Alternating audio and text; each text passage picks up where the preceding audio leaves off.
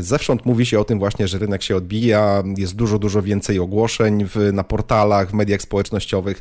Natomiast kandydaci równolegle, jak zrobiłem taką ankietę, to szczególnie było widoczne, raportują, że wcale jakoś częściej nie są zapraszani na te rozmowy kwalifikacyjne, pomimo tego, że tych ogłoszeń jest liczbowo więcej niż wcześniej, prawda? Jak odnaleźć się w finansach? Jak sprawić, by pieniądze służyły realizacji naszych celów życiowych? Na te oraz inne pytania odpowiadają goście podcastu Po ludzko o pieniądzach, którego partnerem jest General Investments TFISA i który mam zaszczyt prowadzić. Nazywam się Radosław Budnicki, na co dzień prowadzę podcast Lepiej Teraz i nie jestem internetowym guru zarabiania. Rozmawiam tylko po ludzku o pieniądzach z ekspertami, którzy zrozumiałym językiem tłumaczą zawiłości finansów i to, jak sprawić, by pieniądze nam służyły, a nie nami rządziły. Serdecznie zapraszam. Witam Was serdecznie w kolejnym odcinku podcastu Po ludzku o pieniądzach. Dzisiaj moim gościem będzie ekspert z Akademii Rekrutacji, Tomasz Rudnik, który zgodził się opowiedzieć o długu. Ale jakim długu? Nietypowym długu długu technologicznym i o tym, w jaki sposób wiąże się też z naszymi finansami. Także moi drodzy, serdecznie zapraszam do wysłuchania tego odcinka. Cześć Tomku. Cześć Radku. Y, bardzo dziękuję, że zgodziłeś się wystąpić w podcaście Po o pieniądzach. Jakbyś mógł powiedzieć słuchaczom, którzy dopiero trafili na ten odcinek i nie znają cię z poprzednich, kim jesteś, czym na co dzień zajmujesz się zawodowo? Jasne. Y, ja się nazywam Tomasz Rudnik, jestem twórcą Akademii Rekrutacji i od 2012 roku pomagam kandydatom w zdobyciu lepszej pracy. Krótko mówiąc, uczę ich jak to zrobić w oparciu o ekonomię rynku pracy i metody headhunterów. I jak do tej pory już 3650 ludzi zdobyło pracę z tą wiedzą, więc jest to metodyka, która cały czas się sprawdza. Także tak, to jest to, co robię na co dzień. Mhm. A powiedz, jak to jest teraz z Twoją pracą po tych wielkich falach pandemii? Czy zgłasza się do Ciebie więcej kandydatów niż wcześniej? Oj, zdecydowanie. Największą falę to miałem właściwie w środku pandemii, kiedy sporo ludzi potraciło pracę. Natomiast teraz też mamy dosyć specyficzny rynek, taki, w sumie rynek, jakiego jeszcze nie widziałem od czasu, jak go obserwuję. Ja obserwuję rynek od ponad 20 lat i tak posegmentowanego, tak poróżnicowanego rynku jeszcze w sumie nie widziałem, więc y, trudno się dziwić, że też kandydaci są pogubieni, ponieważ y, stare metody przestały działać, trochę nie wiedzą, co zrobić. No i w tym momencie tutaj wchodzę ja z edukacją edukacją, jak ten rynek pracy teraz działa i jakie metody zastosować, żeby sukces był, czyli nowa praca. Tomku, jeszcze śledzę, szczerze mówiąc, Twoje media społecznościowe i widzę niesamowite właśnie listy, jakie otrzymujesz od kandydatów, wiadomości z podziękowaniami. Więc naprawdę jestem pod mhm. wrażeniem Twojej pracy. No i mam kolejne pytanie. Mówi się, że rynek się odbija. Po pandemii firmy publikują więcej ogłoszeń o pracę, ale kandydaci Y, jednocześnie mówią, że firmy wcale nie zapraszają ich częściej na rozmowy. Jest tak samo przed pandemią, a niektórzy twierdzą, że nawet gorzej. Skąd ten rozdźwięk? Dlaczego tak się dzieje? Jasne, wiesz co? Ciekawostka następuje taka, bo tak, pandemia pomocno przygniotła wiele firm do dna. Niektóre firmy padły, niektóre musiały zwalniać pracowników, więc teraz jest e, etap e, odbicia, tak przynajmniej to raportują media. Natomiast jest jeszcze druga strona tego medalu, którą ja widzę z zupełnie innej strony, bo e, zewsząd mówi się o tym właśnie, że rynek się odbija, jest dużo, dużo więcej ogłoszeń w, na portalach, w mediach społecznościowych. Natomiast kandydaci równolegle, jak zrobiłem taką ankietę, to szczególnie było widoczne, raportują, że wcale jakoś częściej nie są zapraszani na te rozmowy kwalifikacyjne, pomimo tego, że tych ogłoszeń jest liczbowo więcej niż wcześniej, prawda? No i tutaj pokazuje się jakby rzecz, o której, którą, którą uczę na co dzień kandydatów, że rynek pracy mocno się zmienił. I tak naprawdę co z tego, że tych ogłoszeń jest więcej, skoro oczekiwania pracodawców względem kandydatów nieco się zmieniły, trochę na inne rzeczy patrzą niż 2, 3, 5 lat temu, a już w ogóle inne niż wcześniej, czyli w okolicach kryzysu z 2008-2009. No i jeżeli kandydaci stosują stare metody, Czyli na przykład bardzo kurczowo trzymają się e, stereotypów, że CV musi mieć dwie strony, że nie ma co się chwalić osiągnięciami, bo to się omówi na rozmowie, czy innych, że tak powiem, tego typu, jak na przykład, że trzeba ćwiczyć scenki rozmów kwalifikacyjnych, badać swoją intonację, pozycję, w jakiej się siedzi i tak dalej, tak dalej. To są wszystko takie pozory, które, na które pracodawcy w ogóle nie zwracają uwagi, ponieważ jeżeli pracodawca, czyli mam na myśli tutaj potencjalny szef, jest odpowiedzialny za jakiś wynik swojego zespołu, zespołu, tak, czy to jakościowy, czy ilościowy, czy finansowy, no to będzie brał pod swoje skrzydła do zespołu ludzi, którzy najszybciej pokażą, że oni mogą się przyczynić do tego właśnie wyniku, do sukcesu, patrzą, na, na który można spojrzeć z perspektywy właśnie tego stanowiska dla całej organizacji. Natomiast jeżeli kandydaci stosują stare metody, czyli właśnie na przykład nie chwalą się takimi rzeczami albo wywalają część bardzo istotnych informacji i takie CV rozsyłają po rynku, trudno się dziwić, że nie są zapraszani, bo równolegle, to jest też ciekawostka, właśnie fajnie, że wspomniałeś o, o tych raportach, które dostaję od kandydatów, bo co tydzień właściwie dostaję przynajmniej kilka raportów, że ktoś zdobył pracę i to w tempie spektakularnym, bo średnio w ciągu trzech tygodni. No i e, ci kandydaci właśnie na tym rynku obecnym, oni zdobywają więcej zaproszeń na rozmowy kwalifikacyjne. Natomiast to jest kropla w morzu potrzeb, to co ja robię, bo mamy 40 milionów prawie ludzi w Polsce, ja jestem w stanie dotrzeć do pewnej liczby, na pewno nie jest to cała Polska na ten moment, więc ten stan rzeczy, czyli to, że kandydaci nie są zapraszani tak często, jakby chcieli, jeszcze trochę potrwa, no chyba, że się zwrócą do Akademii Rekrutacji, wiadomo. Tomku, ale jak to jest? Osoba, która 5 lat temu była na rynku pracy, i bez problemu zmieniała ją z pracy, znalazła kolejną. Teraz, kiedy musi, powiedzmy, po pięciu latach coś się wydarzyło, musi zmienić, może się zdziwić po prostu. Już może nie być tak, tak samo, jak było pięć lat temu, tak? Dokładnie to masz. No jest, jest y, dużo takich właśnie zdziwionych, dlatego że w czasach prosperity, kiedy to ich praca szukała, oni nie musieli jakoś szczególnie się starać, to mogli wysłać nawet CV pisane na kolanie. Trochę teraz oczywiście przesadzam i żartuję, e, bo i tak y, miejsce na nich czekało w wielu firmach. Natomiast teraz, kiedy rynek się mocno zmienił i tak jak wspomniałem, posegmentował, trochę mocniej pracodawcy patrzą na pieniądze, no to ktoś, kto wcześniej aktywnie pracy nie musiał szukać, nie musiał się dobrze sprzedać, no to właśnie dołącza do grona tych zdziwionych. Natomiast dobra wiadomość jest taka, że dla nich również remedium istnieje, dowiedzione z sukcesami innych kandydatów, którzy w podobnej sytuacji będąc, wyszli na swoje, czyli znaleźli nową pracę, znaleźli ją szybko i są zadowoleni z zarobków, często są wyższe zarobki, także remedium dla nich istnieje. No ale y, nie z każdym jest tak różowo. Jest spora grupa kandydatów, która nie radzi sobie na obecnym rynku pracy. Kiedy tracą pracę, dość długo są y, bezrobotni. Czy da się y, w jakiś sposób określić, wyizolować jakiś jeden główny czynnik, który za to odpowiada?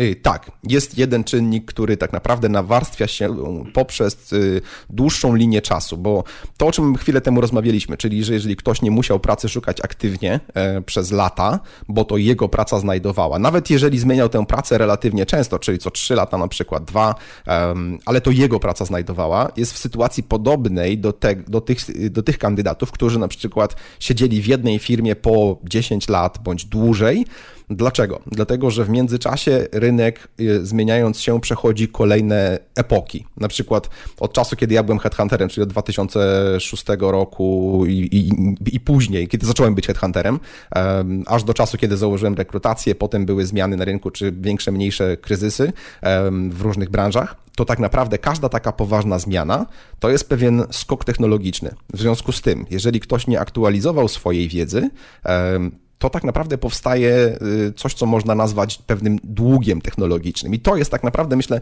ten najważniejszy czynnik, jeżeli chciałoby się go wyizolować, który odpowiada za to, że właśnie kandydaci sobie nie radzą na obecnym rynku. Ale mm, dług technologi technologiczny, o którym mówisz, to jest pojęcie głównie znane ze świata IT.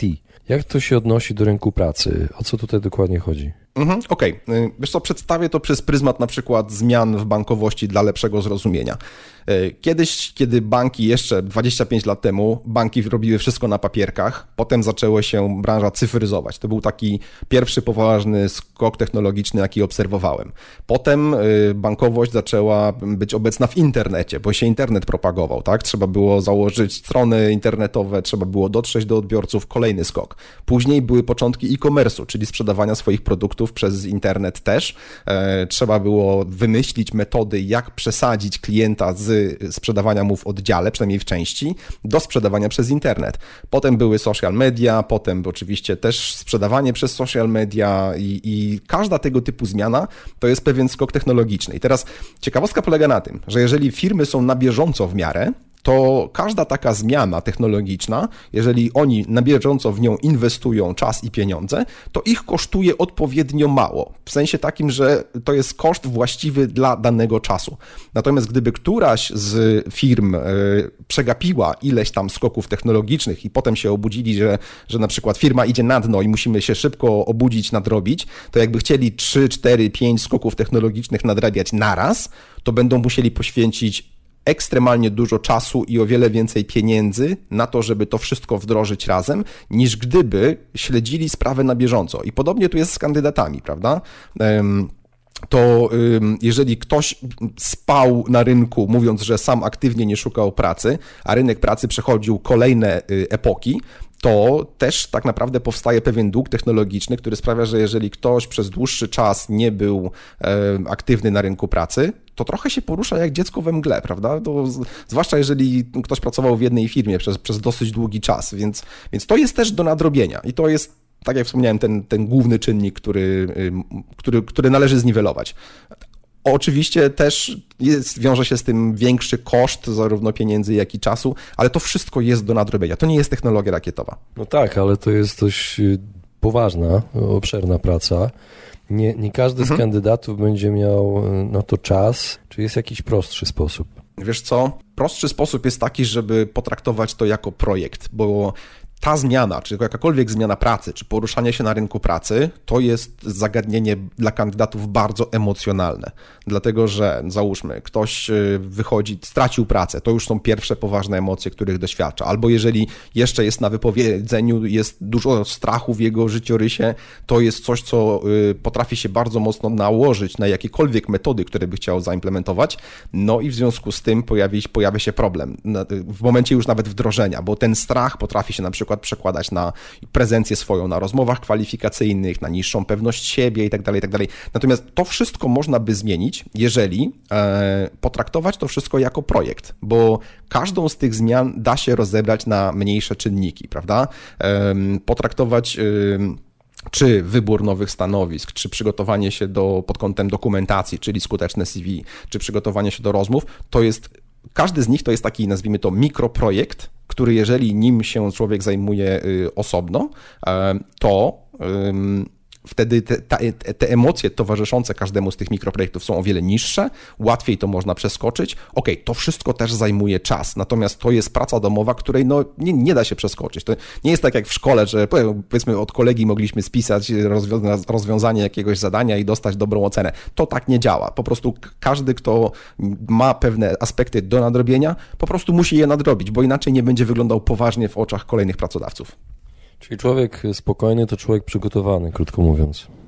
Dokładnie w ten sposób. I naprawdę wiele materiału na, i na YouTubie Akademii Rekrutacji i w innych miejscach poświęciłem właśnie takiej, takim przestrogom, że jeżeli ktoś jest przygotowany, to sukces jest tak naprawdę nieunikniony. To jest tylko kwestia czasu, bo rynek pracy, tak jak wspomniałem, to nie jest technologia rakietowa. To są bardzo proste zależności przyczynowo-skutkowe, zależności ekonomiczne. Im szybciej się je zrozumie, tym, tym problemów jest mniej. No dobra, to podaj przykład. Jaki plan mogą przyjąć kandydaci, aby już nie popaść w takie kłopoty następnym razem, kiedy stracą pracę i zagwarantować sobie możliwość szybkiego zdobycia pracy? Mhm. Wiesz co, yy na to trzeba spojrzeć z kilku aspektów, które się bardzo pięknie łączą, bo część zabawy na rynku pracy to jest y, szybka gra, tak to nazwę, a część zabawy to jest gra wolna. Szybka gra, no to są rzeczy, które można przygotować w miarę y, sprawnie, czyli na przykład CV, czy list motywacyjny, e, czy inne aspekty wokoło dokumentacji, bo to jest pewna metodyka, którą po prostu się przechodzi po sznurku. Natomiast jest jeszcze drugi aspekt tego, mianowicie na przykład nawiązywanie relacji na rynku pracy, bo o wiele więcej intratnych stanowisk y, znajdzie się właśnie nie w ogłoszeniach, tylko poprzez relacje i rekomendacje. A to jest coś, co wymaga czasu, żeby pogadać z ludźmi na rynku, żeby ich poznać, żeby się dobrze im sprzedać. Nawet jeżeli teraz pracy nie szukasz, prawda? To chodzi o to, żeby rynek pracy o tobie wiedział, że istniejesz i jakie masz aspiracje i czym się możesz pochwalić i jakie korzyści możesz przynieść. W związku z tym ta długofalowa gra rozgrywana y, dobrze się łączy na pewnym etapie właśnie z umiejętnościami pisania CV, dlatego że, i tutaj powiem to na końcu ścieżki, jeżeli wydarzy się jakaś sytuacja, załóżmy podbramkowa, czyli nieoczekiwanie kandydat jest zwolniony, to w momencie, w którym te relacje są, jest metodyka opanowana, jak przygotować dokumentację, żeby była skuteczna, połączenie tego razem daje coś, co nazywam żartobliwie wojną błyskawiczną, taki blitzkrieg, prawda, czyli wystarczy się odezwać do paru osób, y, nawet to nie muszą być tłumy, do paru osób, y, o których wiadomo, że mogą ciebie skontaktować z potencjalnymi szefami w firmach, które wybrałeś i oni prowadząc jakby całą tę procedurę, mogą doprowadzić do tego, że potencjalni szefowie dostrzegą, że faktycznie opłaci im się ciebie zatrudnić i ta praca będzie już jakby podjęta, tak? Umowa będzie nawiązana. Stąd też żeby to się e, dobrze przy, wydarzyło, to właśnie ważny jest etap e, wcześniejszych przygotowań, czyli e, poznać mniej więcej terytorium, tak? czyli określić sobie listę firm, które w przyszłości mogą być firmami, dla których chciałbyś umiałbyś współpracować. Następnie określić nazwiska tych Twoich potencjalnych szefów, kto tam w ogóle jest i w jaki sposób opracować, jak można do nich potencjalnie dotrzeć. Kolejna rzecz to przemyśleć, jaką Ty masz wartość na rynku mierzoną finansowo, bo jeżeli każdy szef odpowiada za jakiś wynik, on na końcu dnia się tłumaczy na jakieś finanse. Nawet jeżeli nie, nie jest to firma, nie jest to zespół pracujący przy sprzedaży, tak? Zawsze każdy pracownik składa się w jakiś sposób na wynik finansowy całej firmy, więc y, im lepiej się do tego kandydat przygotuje, im lepiej przetłumaczy swoje kompetencje, czy to analityczne, tak, czy operacyjne, czy programistyczne, czy y, zaopatrzeniowe na język finansów, tym szybciej się dogadać będzie mógł z potencjalnymi szefami, tym lepiej będzie wyglądało jego CV. Więc te wszystkie etapy rozegrane z wyprzedzeniem, włącznie z tym, co ciekawe, żeby na przykład pochodzić sobie na kilka takich próbnych rozmów kwalifikacyjnych. Nie po to, żeby, y, wiadomo, nie po to, żeby naciągać jakichś pracodawców na czas i, i żeby. Um, żeby to było puste, tylko po, pochodzić, żeby, żeby rynek cię poznał. Przy okazji ty poćwiczysz sobie, jak y, możesz y, przekazać, przekazać argumenty świadczące na twoją korzyść pracodawcom i zobaczysz bezpośrednio, jaki to jest efekt, tak? Jaki daje efekt w kontekście tego, żeby pracodawca dostrzegł, że będzie się opłacało ciebie zatrudnić. Więc ca cała ta procedura zrobiona razem to jest coś, co niemal gwarantuje w odpowiednim momencie szybkie zdobycie pracy, bo już są kontakty, jest, są już umiejętności, jest opracowana wartość, jest opracowana mapa terytorium, po którym się można poruszać e, i to wszystko połączone razem, nie ma szansy, żeby to kogoś nie doprowadziło w którejś piątej, szóstej czy dziesiątej iteracji maksymalnie do nowej pracy, która będzie co ciekawe, intratna i rozwojowa, tak? Bo tak jak wspomniałem, nie tylko chodzi o ogłoszenia. W ogłoszeniach tak naprawdę jest, e, są, do ogłoszeń trafiają oferty pracy, na które nie znaleziono kandydatów w drodze właśnie relacji i rekomendacji. To jest, to jest pewna ciekawostka. Także to byłaby moja rekomendacja dla właściwie wszystkich kandydatów, niezależnie od tego, czy są specjalistą, czy team liderem, czy kierownikiem, czy, czy dyrektorem. Każdy przyszłości będzie miał szefa, który za jakiś wynik odpowiada. I pod tym kątem się po prostu warto przygotować. Czyli pracując gdzieś, jeżeli czujesz, że chciałbyś się bardziej rozwi rozwijać, Warto też wysyłać CV do firm, tak? Będąc... Yy, tak, wysyłać CV to jest jedno, ale niech to będzie CV z pewnym przygotowanym gruntem, bo czym innym jest wysyłanie CV na ogłoszenia, a czym innym jest wysłanie CV w momencie, w którym załóżmy, przynajmniej masz wstępny kontakt z potencjalnymi szefami i w związku z tym, e, jak wyślesz dopiero jako follow-up twoje CV, to już jest zupełnie inny rodzaj komunikacji. Oni już wiedzą, kogo się mają spodziewać, wiedzą mniej więcej,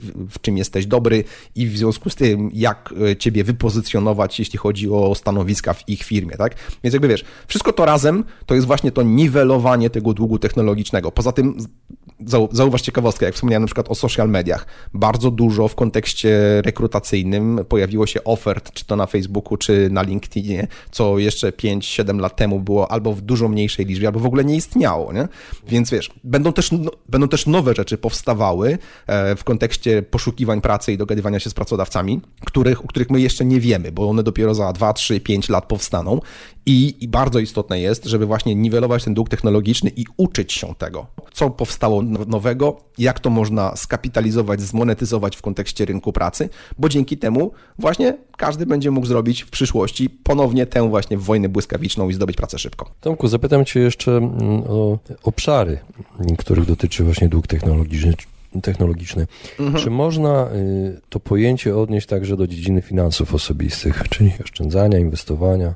Technologii. Właśnie. Jak najbardziej, jak najbardziej, dlatego że dług technologiczny tak naprawdę dotyczy każdego zagadnienia, które, y, w którym zachodzi co pewien czas jakaś większa zmiana. Jeżeli pojawiają się nowe metody, nowe sposoby, nowe, nowe możliwości tak naprawdę zutylizowania z, y, dotychczasowych czy to umiejętności, czy kapitału zgromadzonego, to, y, to trzeba z tego korzystać, bo sam temat finansów też się zmienia, prawda? Powstają coraz to nowe podmioty, coraz to nowe metody, czy to nagromadzenie, czy na pomnażanie kapitału, metody inwestycyjne i warto się im przyglądać. Oczywiście nie trzeba też być tutaj naiwnym i żeby nie inwestować pieniędzy w rzeczy, na których się nie znamy, bo to się po prostu mści, ale jeżeli y, powstaje coś nowego, poprzyglądamy się temu i, i nawet spróbujemy swoich sił, to się może okazać, że to będzie kolejna z metod dywersyfikacji swojego portfela, tak żeby potem spać bezpiecznie, że twoje pieniądze są dobrze ulokowane, tak? I, i nie są, załóżmy, wszystko w jednym koszyku, który byłby na przykład koszykiem ryzykownym. Y, przy okazji tej rozmowy chciałbym o rynku pracy, chciałem jeszcze cię zapytać o taką rzecz, o oferowane zarobki po pandemii i, i, i oczekiwania. Mhm. Czy coś się zmieniło w tej kwestii? Ty jako specjalista, czy widzisz, coś się wydarzyło na rynku w Polsce? Wiesz co, zmieniło się dużo, dlatego że y, ogólnie zarobki rosną i to jest wynik wielu, wielu czynników, które obserwujemy. Po pierwsze inflacja? mamy wysoką... Inflacja jest jednym z y, najważniejszych. Y, poza tym i, i zauważ na przykład jak branża e-commerce'owa, y, kurierska i wszystkie te inne branże, które urosły w trakcie pandemii, żeby urosnąć, muszą przyciągnąć ludzi. Jak żeby w pewnym, w pewnym momencie rekrutacji y, zdarza się w wielu firmach takie zjawisko, żeby po prostu prostu oferują większe wynagrodzenia po to, żeby przyciągnąć najlepszych specjalistów, czy w ogóle, żeby ściągnąć ludzi z rynku, tak, w pewnych konkurencyjnych branżach. Także tu wynagrodzenia rosną. Poza tym e, ludzie też spostrzegli się poprzez pryzmat pandemii, siedzenia w domach, e, pewnych nawyków,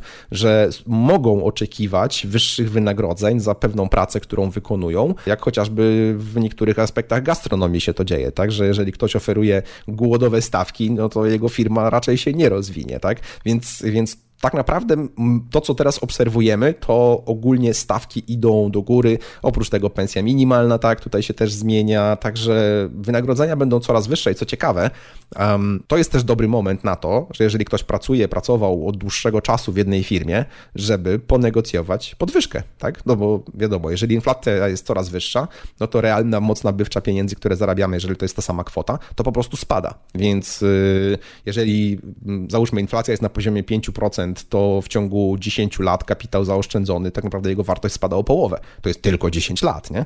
A, a czasami, czasami ludzie po 10 lat siedzą, dostając podwyżki tylko i wyłącznie o stopę inflacji, co jest naprawdę kuriozalne, bo ich siła nabywcza, siła nabywcza pieniędzy, które zarabiają, po prostu jest coraz mniejsza. Na coraz mniej mogą sobie pozwolić, więc warto ponegocjować. Warto też pomyśleć o zmianie pracy, bo czasami jedyną metodą dla niektórych, żeby dostać podwyżkę, jest po prostu zmienić firmę. To ciekawe, co powiedziałeś o firmach kurierskich, bo mam kolegę, który pracuje jako kierownik w takiej firmie przemysłowej i mówi właśnie, że y, musi zarobić na lepszy samochód i właśnie myśli o tym, żeby wziąć dodatkową pracę jako kurier w nocy, jeździć, rozwozić jakieś tam te, y, mhm. te obiady, te tak zwane, wiesz, te y, pudełkowe jedzenie, o, pudełkowe jedzenie. Podobno jasne, bardzo jasne. dobrze płacą, więc rzeczywiście potwierdza się to, co powiedziałeś, że, że tam można nieźle zarobić. Mhm, mhm. Dobrze, Tomku, zbliżamy się do końca. Na koniec Jedna rada, którą dałbyś kandydatom na, na koniec naszej rozmowy, od jakiej rzeczy powinni zacząć, szukając dobrze płatnej pracy? Wiesz co, jedna rzecz, która jest brzemienna w skutkach właściwie dla wszystkich, bo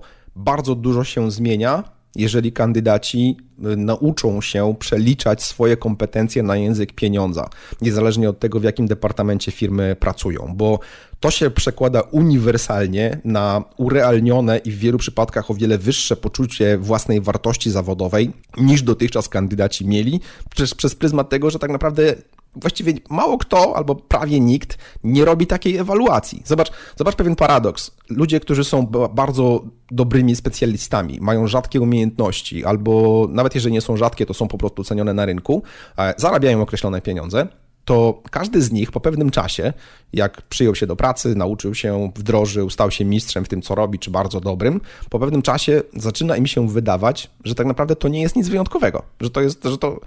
Teraz powiem to żartem, jak z kandydatami na konsultacjach rozmawiam, że byle wyszkolona małpa byłaby w stanie robić to, co oni, prawda? I tu oczywiście salwy śmiechu. Natomiast yy, okazuje się, że yy, tego typu deprecjacja jest bardzo szkodliwa w kontekście właśnie własnej samooceny, potem tworzenia CV, a już szczególnie to wyłazi na rozmowach kwalifikacyjnych, bo jeżeli dobry specjalista wątpi w siebie, że on nie jest dość dobry, żeby zażądać wysokiej kwoty i załóżmy schodzi z wymaganiami finansowymi tylko po to, żeby zdobyć inną pracę, to to, to się automatycznie przekłada na percepcję po drugiej stronie, że jeżeli ten człowiek wątpi w siebie, to może my też powinniśmy w niego wątpić i może przyjrzyjmy się innym kandydatom. Więc to jest taki, to, to, jest, to jest takie, no załóżmy, jajo, z którego wykluwa się przyszły sukces. Jeżeli ktoś umie przetłumaczyć swoje kompetencje na język pieniądza, no bo całe, wszystkie rozgrywki wewnątrz firmy i poza firmą są po prostu ekonomiczne, to pójdzie z tego fala uderzeniowa po całym jego życiu zawodowym. Oczywiście jeszcze też potrzebnych będzie parę metod do, do wdrożenia, ale to jest taki czynnik zapalny. I to jest przy okazji też